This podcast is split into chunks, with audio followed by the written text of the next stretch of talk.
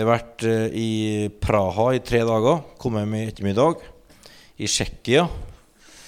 eh, Og møtt noen gode venner der som, eh, som har vært til oppmuntring å møte, og som ber, ber om hjelp. Og det er spennende. For å se hva Gud gjør videre. En fin by, da, Praha. Så hvis dere har lyst til å se en fin by i Europa, så er det en flott by. Lise var der, og vi var i 97. Gikk og så på Krystall. Og så, og så, var vi, så var jeg der igjen i går. Første gang siden da liksom i, sentrum. Gikk og spaserte i gatene der. og Det var spennende. Så det det er mye vakker historie i, i, i Europa. Og mye blod, blodhistorie. Er det noen her som vet hva forsoning er for noen ting? Da skal du få høre om det i kveld, Johan. Du skal, du skal lære dem forsoning. Er det noen som vet hva forsoning er for noe? Ja. Det, han Håvard er, inn, inn, er inhabil, for han er, han er liksom superbibellærer, så han får ikke lov å si noe. Skal, hvis alle, ingen andre skjønner hva det er for noe, så skal han få si noe. Du, altså, det beste ordet for forsoning er byttehandel. Vet du hva som, er, hva som står bak den, den byttehandelen? Det, det er byttehandel mellom to parter. Ok? Skal jeg få låne en? Det er artig å se en staut begynnersværing her. Hæ? Du, få låne de. Vet dere hvem han karen her er?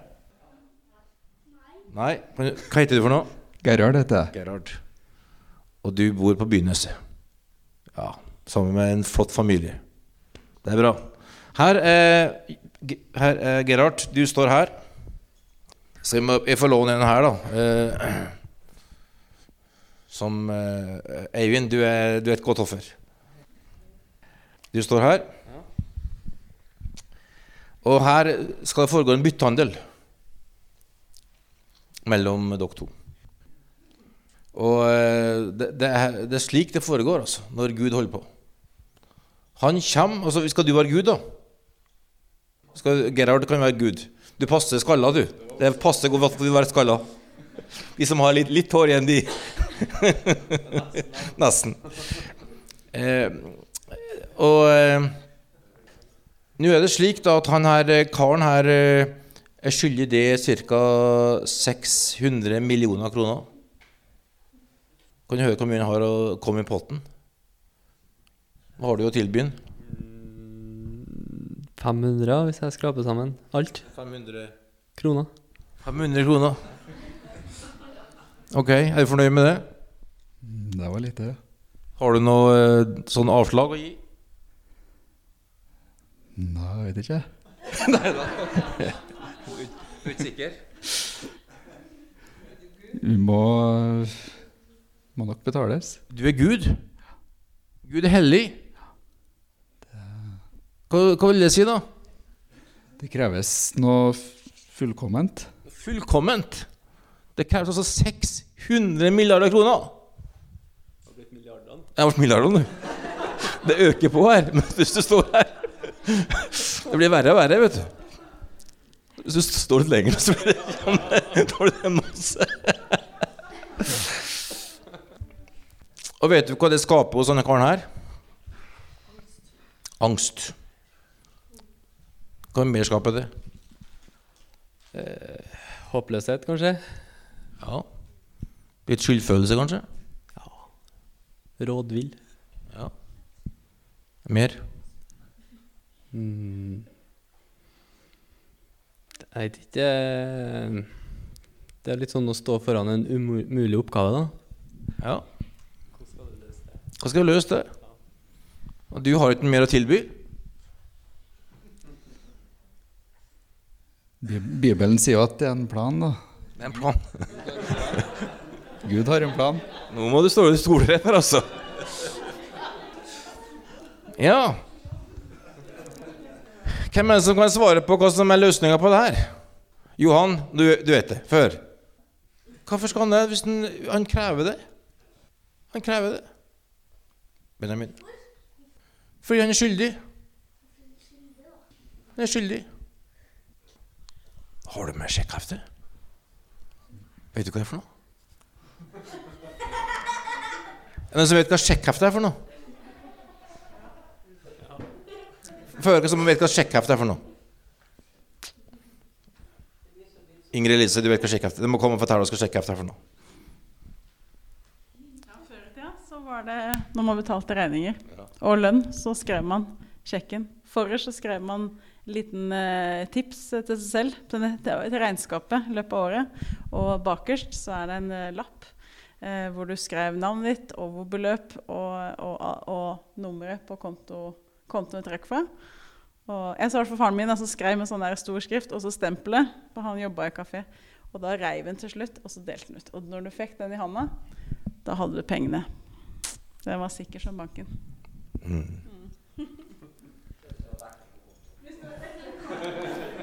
Vet, vi som har vært fattige, vi visste at fra du skrev sjekkebeløpet til de kom til banken, gikk det jo fem dager. Det hjalp oss mange en gang. Så du har et sjekkehefte, Gud. Du har det. Hva står det på det sjekkheftet? Har du noen tips? Hva som tror du står på det sjekkheftet som Gud har? Noen tips? Lise? Ja, hva står det da på sjek- sjek- sjekkheftet? Ja, det står det, men hva, hvorfor er den betalt, da? Jesus. Så du, som da representerer Gud her, du har et svært sjekkhefte. Så tar du og skriver på det sjekkheftet Jesus. Så går du og gir han den det der eh, sjekken. Ok? Her har du sjekkheftet. Det er veldig bra. Det er veldig godt for halsen. Men du går bort til Gine der? Ja, hvordan går det med gjelda? Han er borte. Er bort? Ja, du var blakk. Ja, men den forsvant likevel. Fordi at Nei, jeg gjorde ikke noe. Jeg vet ikke. Du vet ikke. Så, så du, du, har, du har ikke eh, har du, har du fått penger, da? Har du fått ordna opp i gjelda di? Nei. Nei. Fortsatt skyldig? Altså, jeg har ikke fått noe penger, men gjelda er ordna opp i, ja. Ok. Ja, du, hva har du fortjent det, da? Har du vunnet Lotto, eller? Nei. Gikk dårlig på børsen òg. Oi, oi. Likevel så er det orden? Fordi Den ble sletta. Å, sletta. Wow. Tenk at gjeld kan være sletta. Fordi at Nei eh, Fordi at jeg trodde på Jesus. Mm. Og det betyr At eh, eh, den som tror, den får eh, gjelda si til Gud sletta. Halleluja! Wow. Takk ha. Vil du ha det? Vær så. Er ikke det fantastisk? Så forsoning, det er at alt det Gud krever av oss, har han gitt oss gjennom Jesus. Gjennom Jesus. Som gjør at du og jeg, uansett hvem vi er, hvor gamle vi er, hva vi har vært igjennom, hva vi har opplevd, kan få lov til å leve med en Gud som er for oss, med en himmel som er åpen, som mange sier. Altså, det vil si at Gud, han bare elsker oss. Men du må faktisk ta imot den gjeldssletten.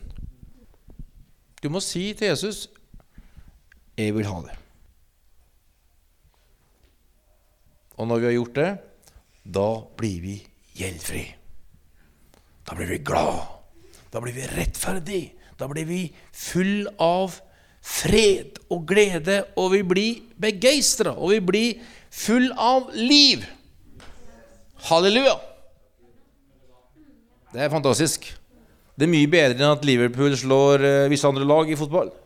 Jeg kan bli glad da, jeg, altså, men det er ingenting mot å gå rundt i livet med fred i hjertet, god samvittighet, håp for framtida. Slipp å være redd for at det gamle skal komme og innhente en. Det er et fantastisk liv. Så Jesus betalte hele verdens skyld og gjeld. Det er fantastisk. Så det vil si at alle du møter, uansett hvor fæle de er, uansett hvordan de oppfører seg mot det eller mot andre, hvis de får høre om Jesus, får høre hva han har gjort, at han har vært på korset, at han har vært i grava, stått opp igjen og Herre, og tar imot troa på han, så kan de få lov til å få ny start, sånn som oss. Det er bra. Det er veldig bra. I dag satt jeg på taxien hjem fra Værnes og møtte en eritreisk taxisjåfør. Han var, bodde i Norge i seks år. Og han eh, er oppvokst i et land der de har en ortodoks tro, som da er en spesiell utgave av kristendommen. Og så spurte han hva tror ortodokse folk om Jesus? Så spurte han hva tror norske folk om Jesus? Så sa jeg jeg vet ikke hva norske folk tror om Jesus. Det er masse rart, men i hvert fall vet jeg hva jeg tror. Vil du høre? Og så fortalte han uh, evangeliet. Og så sa han, når vi kom et stykke utover, så sa han Der fortalte min bestemor til meg for ca. 20 år siden. Men ingen har sagt dette. Men hvis det, hvis det faktisk er sånn, så det, det sier din bibel. Det sier din tro. Siden jeg er 35 år, jeg har bodd i Norge i seks år, jeg har ikke jeg har ingen framtid, egentlig, for jeg har ingen kone. Og for oss er det kone og barn det største du kan få, og det har jeg ikke. Og jeg begynner å bli gammel, og jeg jobber natt og dag. Så, så ja, men Gud elsker det. Han har en plan for livet. Han vil gi det ny framtid. Du snakker så godt norsk at du skulle egentlig begynt å få norske venner. Har du norske venner? Nei. Kjenner du noen nordmenn? Ingen. Hvert fall ingen som tror på Gud. For i Norge tror ingen på Gud. Du er den første som snakker om Gud til. Så jo, jeg tror det fins folk i Norge som tror på Gud. Som forkynner evangeliet. Som sier at Jesus lever. Så eh, jeg lovde å, å be for han at han skal få seg kone, og at han skal få en ny tro på Jesus. Han har bibel, og han uh, tror faktisk at uh, det er håp midt i alt. Så Så såkornet som vi gir, kan forandre mennesker. Akkurat som Elise sa her den, på denne videoen i starten. Hun vitna og ba for noen. Så ble hun, hun, hun vitna for frelst senere. Bare fikk høre det tilfeldigvis. Fantastisk. Men så skal jeg si noe veldig enkelt til slutt her, som vi, vi tenkte på i dag. Og det er at når vi da har fått opplevd forsoning, fått en himmelsk byttehandel det vil si, alt det, det all synd og skyld og skam og det som du veit du er og har gjort som ikke Gud er glad i, og Gud elsker og Gud vil ha i livet, når det er bytta ut med Jesus og hans tilgivelse og rettferdighet, så har du opplevd noe fantastisk. Og så sier da Bibelen noen ting her som jeg syns var kjempeinteressant. Jeg satt og leste på det på Brunheim i dag. tenkte jeg, Det må jeg si litt på helga. Og det er at vi skal holde fast på det Gud har gjort for oss. Og Og da sier Bibelen i Hebreerne Jeg har ikke tid til å gå gjennom alle bibelverser, da, men Bibelen sier i Hebreerne 12 at vi skal legge av noe for å holde fast på noe. Så nå skal vi gå litt eh, nå skal vi se litt på det på slutten her. Har du tid til det? Altså, altså, det vil si at når du har opplevd det her med forsoning, så er det faktisk noen ting som eh, vi skal holde fast på, og noen ting vi skal legge av. Ok? La oss først gå til Kolossebrevet. Det er altså det siste brevet før, uh, før Tessalonikerbrevet. Hvis det hjelper noen ting? Who knows? Det stemmer. Yes! Det er til og med Det nye testamentet og alle ting. Så sier Paulus her da til Kolossemenigheten Dere har tatt imot Kristus som Herre. Ok? Dere har opplevd forsoning. To. To, Unnskyld. To, seks. Lev da i ham. Vær rotfestet i ham og bygd på ham. Hold fast ved den tro dere er opplært i, med overstrømmende takk til Gud. Det vil si at når vi da opplever denne fantastiske byttehandelen, så har det en tendens til at livet ditt blir så fylt med så mye annet rart at det blir litt sånn dunkelt og utydelig. Så, så han sier så vær rotfesta i Jesus, bygd på Jesus. Hold fast på Jesus. Det kan godt være at noen sier noen ting til deg som du blir litt frustrert over, og så betaler deg hele plassen i livet. Det kan være at eh, du, du opplever at ting blir vanskelig i livet. Noe som skjer på skolen, eller en prøve du ikke fikk til å funke, eller noen i familien som eh, ikke samarbeider godt med det, eller en regning i posten som, eh, som du blir frustrert over, eller hva som helst som tar oppmerksomheten din. Så blir du så opptatt av det at du på en måte det blir fanga av noe. Og så sier Bibelen da samtidig at du skal legge av ting for å holde fast på ting. Og Det er egentlig en utrolig god måte å gjøre det på. Og, og hvis du vil ha beste oppskrifta på, på, det der, så kan du gå til Salmenes bok. Der har du altså en, eh, en kjempeoppskrift. Der har du David, som som tenåring ble salva til konge i hele landet uten å være forberedt, nesten. Og fikk beskjed fra profeten du skal bli konge. Du skal bli den største i hele landet her. Du er en tenåringsgutt, men du kommer til å styre hele landet. Og så gikk tida, og han ble kasta ut av den som konge som var der. Han ble fredløs og sendt av gårde. Han fikk søsknene imot seg.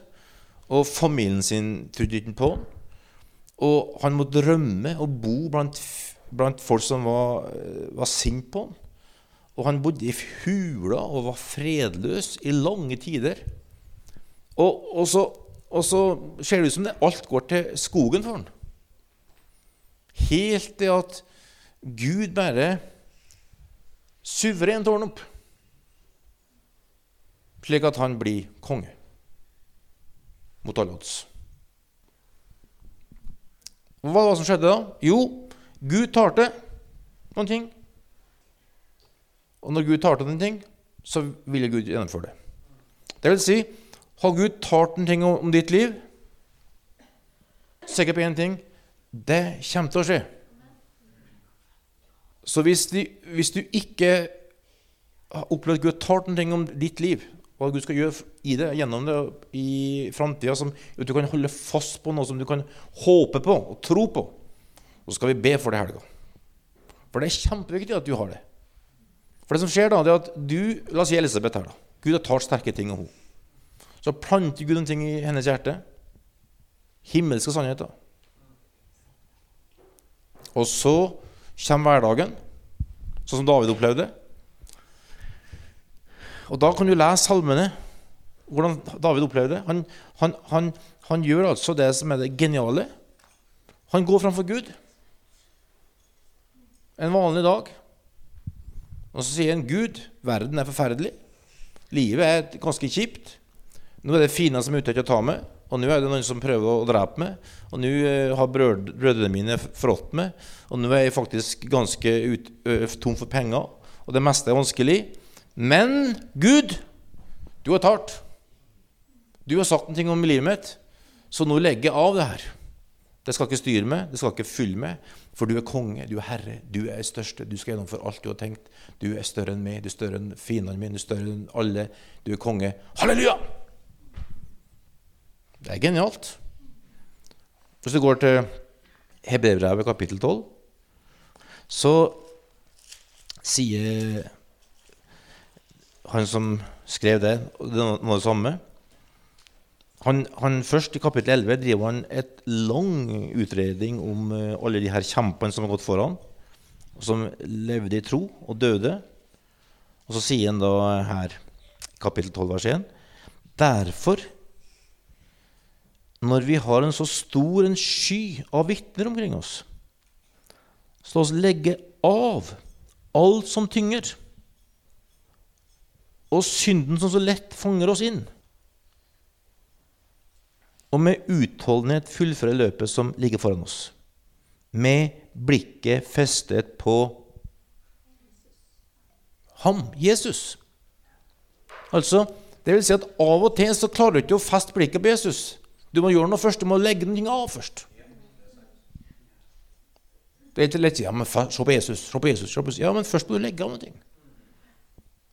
Det som står på grunnteksten, der, faktisk, det er ganske interessant. Det står det faktisk at, at, at det, er noen det er noen piler som blir skutt inn i livet som du må trekke ut.